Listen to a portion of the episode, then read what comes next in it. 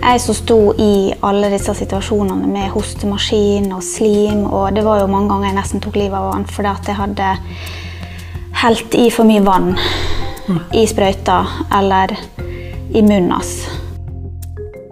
Dette var stemma til Iselin Midtgård. For å forstå hvem hun er i denne sammenhengen, skal vi spole tilbake til forrige episode en liten tur. Der ble vi kjent med Sunniva Støylen. Selvfølgelig så skal man bidra, men man kan ikke ta rollen som en hjemmesykepleier, for den er for, den er for krevende. Er ikke dette et litt viktig tema? Det er et kjempeviktig tema. Sunniva ble enke i 2018, etter at eh, ektemannen Børge hadde hatt ALS i bare ett år og tre måneder. Nå er jeg på besøk hos eh, Sunniva i hjemmet hennes i Langevåg på Sunnmøre. Vi har avtalt at Iselin skal komme bort og spise lunsj med oss. Disse to er nære venninner og har vært gjennom mye sammen. Iselin var nemlig Børge si kusine, og ble også hans personlige assistent, eller BPA, ettersom ALS-en ble framskridende. Denne lunsjen byr på en spennende mulighet for meg til å forstå hvordan det er å leve tett på sykdommen, der musklene gradvis mister sin kraft. Hei, Iselin. Hei, så hyggelig å treffe deg. Det er viktig med et godt måltid mat. Ikke Ja. Skravla går jo litt lettere òg, da. Ja. Nå da. Hvor ofte møtes dere? Når vi har barnefri. Ja, når vi har barnefri, ja. ja. Hun har jo to på eh, Åtte, og elleve.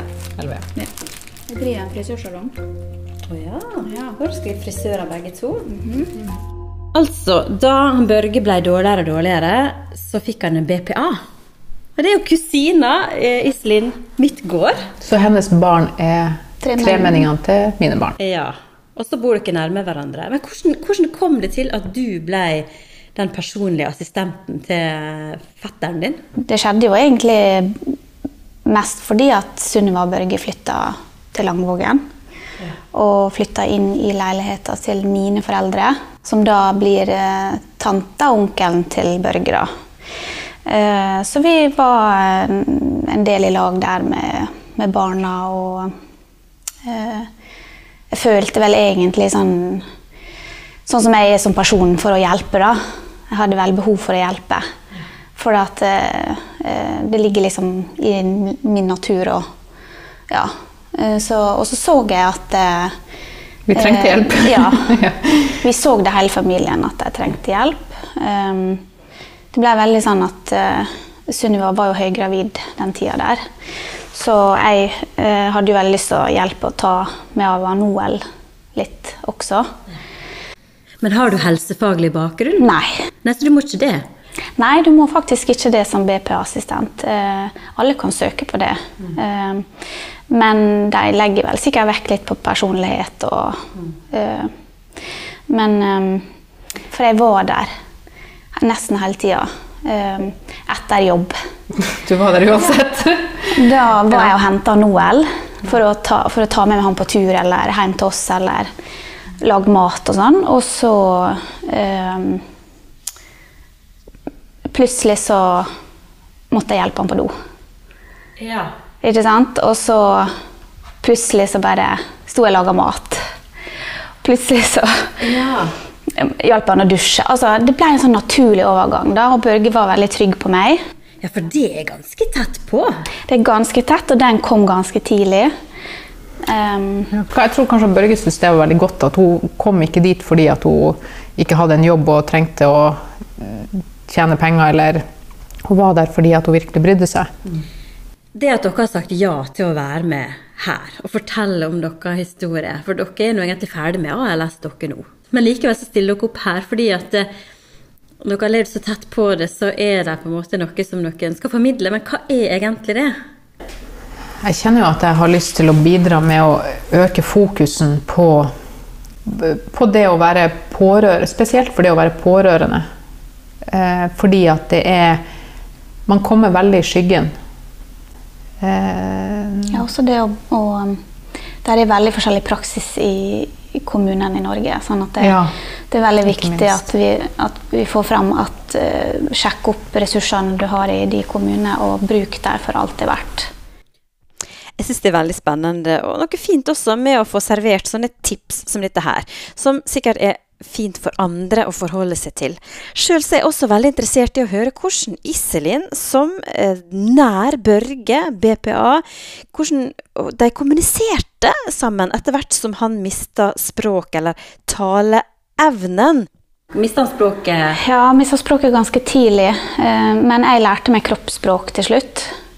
Eh, jeg så, eh, jeg så eh, hva Vi hadde gode rutiner, men jeg så fort hva han trengte, og han kunne liksom nikke. han kunne bare veive med tommelen, og så skjønte jeg hva det gjaldt. da. Yeah. For du kom, vi kom ganske fort inn i en sånn Og så var han veldig god på å forklare meg ting tidlig før han mista språket. da. Eh, og så brukte vi tavle der han så på en bokstav, og så satte han sammen ord. da. Eh, før han fikk ei sånn talemaskin. da. Men eh, altså, å få en riktig BPA-assistent som eh, har tålmodighet, rett og slett, Ja. det er nøkkelen. Og det er noe vi har lyst til å få fram, at eh, han skal være litt kritisk til den han tar inn. Eh, men samtidig må han bruke de ressursene man får tildelt også, og så gjøre det beste ut av det. da. Eh, Men et godt samarbeid mellom hjemmesykepleien og sykepleiere og BPA eh, og kommunikasjon der, da. ALS står for amyotrofisk lateral sklerose. Internasjonalt går det også under navnet Lou Gehrig's disease. Og Lou Gehrig det var en newyorker som spilte baseball på toppnivå i USA, og som fikk diagnosen ALS i 1939. Da han måtte annonsere sin avgang i idretten, ble han hylla av over 60 000 tilskuere på Yankee Stadium. Talen han holdt den dagen, ble en kjent scene i filmen 'Yankienes stolthet', som handler om Garricks liv.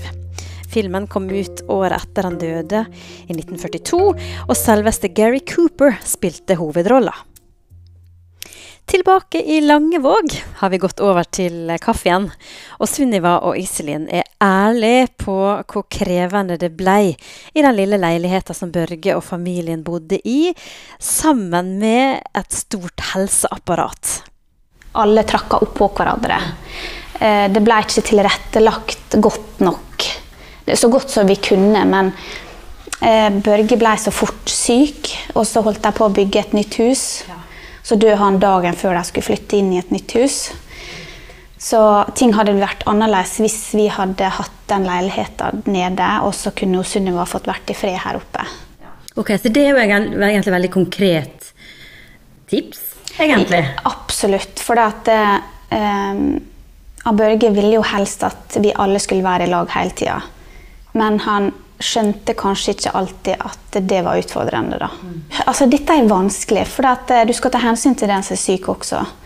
Men så skal du ta hensyn til de pårørende og barn, ikke minst barn. For eh, Noel var jo tre-fire år, og det var ting vi måtte skjerme han for. Så Det var han... ikke så lett i så lita leilighet. Nei, så han absolutt ikke skulle få med seg. Og det var Børge veldig god på også, å si fra at eh, nå kan ikke jeg komme opp. Ja, men da måtte dere gå på tå hev. Ja, han følte vel, følte vel litt det. Eh, Det var jo eh, mange ganger at han holdt på rett og slett å kveles. Da er det ikke så lett å tenke så mye på barna og hva de skal se og ikke se, for da, er, da blir jo det viktigste å få han til å få puste ordentlig igjen. Det gikk veldig fort med Børge. Men nesten bare litt over et år. Men er det Kan man få lov å, å uttrykke at det var en lettelse at det gikk fort?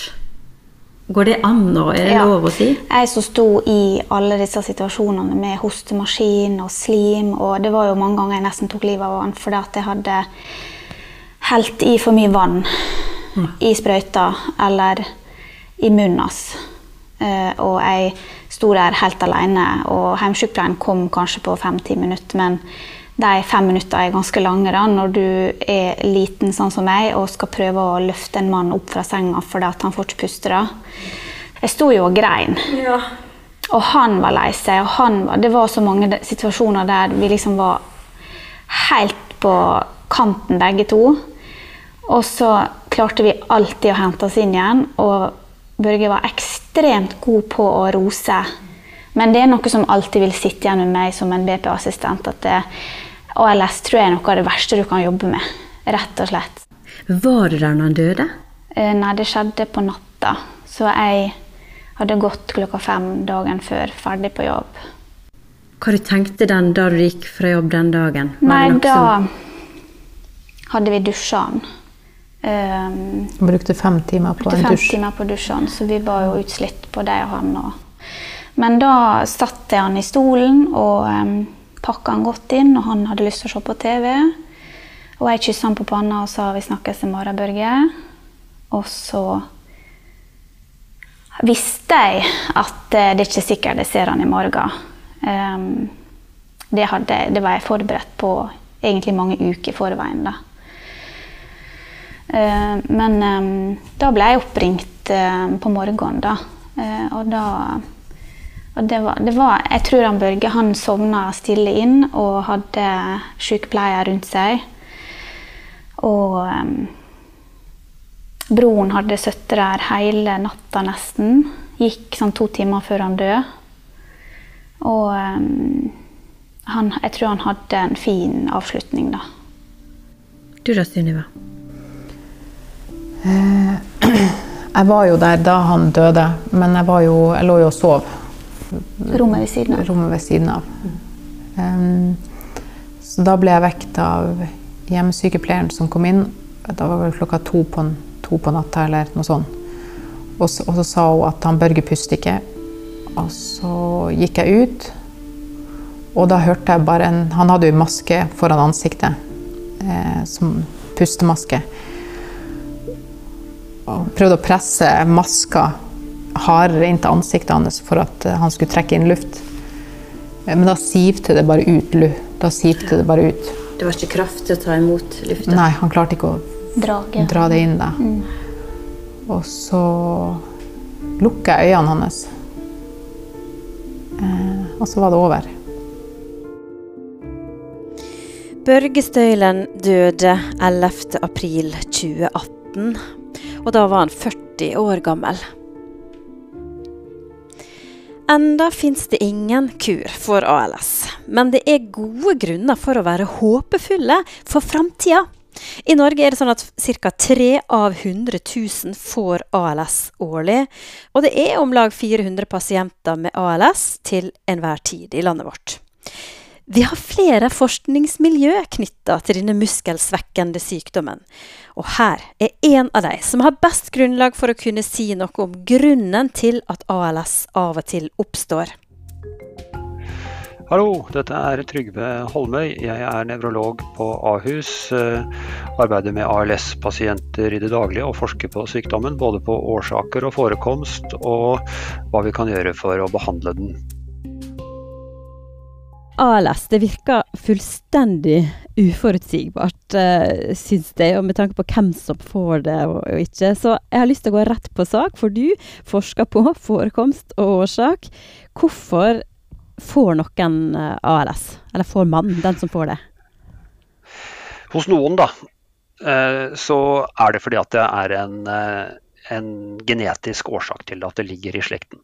Det, det er relativt få, eh, kanskje én av ti, hvor det er en direkte arvelig årsak. Der vil man ha slektninger som har det fra før av, og der er det en genmutasjon som gjør at sykdommen kommer. Men det er som sagt fåtallet. Hos de aller fleste så, så ha- har de jo ikke noe eh, tidligere slektninger som har hatt sykdommen. Og da veit vi veldig mye mindre om hvorfor de får det. Noen av de har nok egentlig også en genetisk årsak til det, men den har på en måte ikke vært eh, erkjent før. Da. Hos alle de andre så vet vi det ikke. Eh, vi veit veldig lite om det er noe i miljøet som forårsaker ALS. Vi veit at det å ha vært eh, veldig tynn, Det gir en viss risi økt risiko, men hvorfor det, det vet vi ikke. Så du har egentlig rett i det du sier, da, med at det er en uh, veldig uforutsigelig. Det kommer som lyn fra klar himmel hos de aller fleste, og vi kan ikke forklare hvorfor den enkelte får det. Det er noe som vi prøver så godt vi kan å finne ut av, fordi at vi tenker at finner vi f.eks. at okay, det, er uh, knyttet opp til hvordan kroppen forbrenner fettstoffer, uh, og det, så, så, så, har vi straks et mye bedre utgangspunkt for å designe ny behandling for sykdommen. Mm. Så Det er det som er målet vårt, å kunne behandle sykdommen bedre. Ja, Når den kommer. Det er ikke snakk om å stoppe at den eksisterer?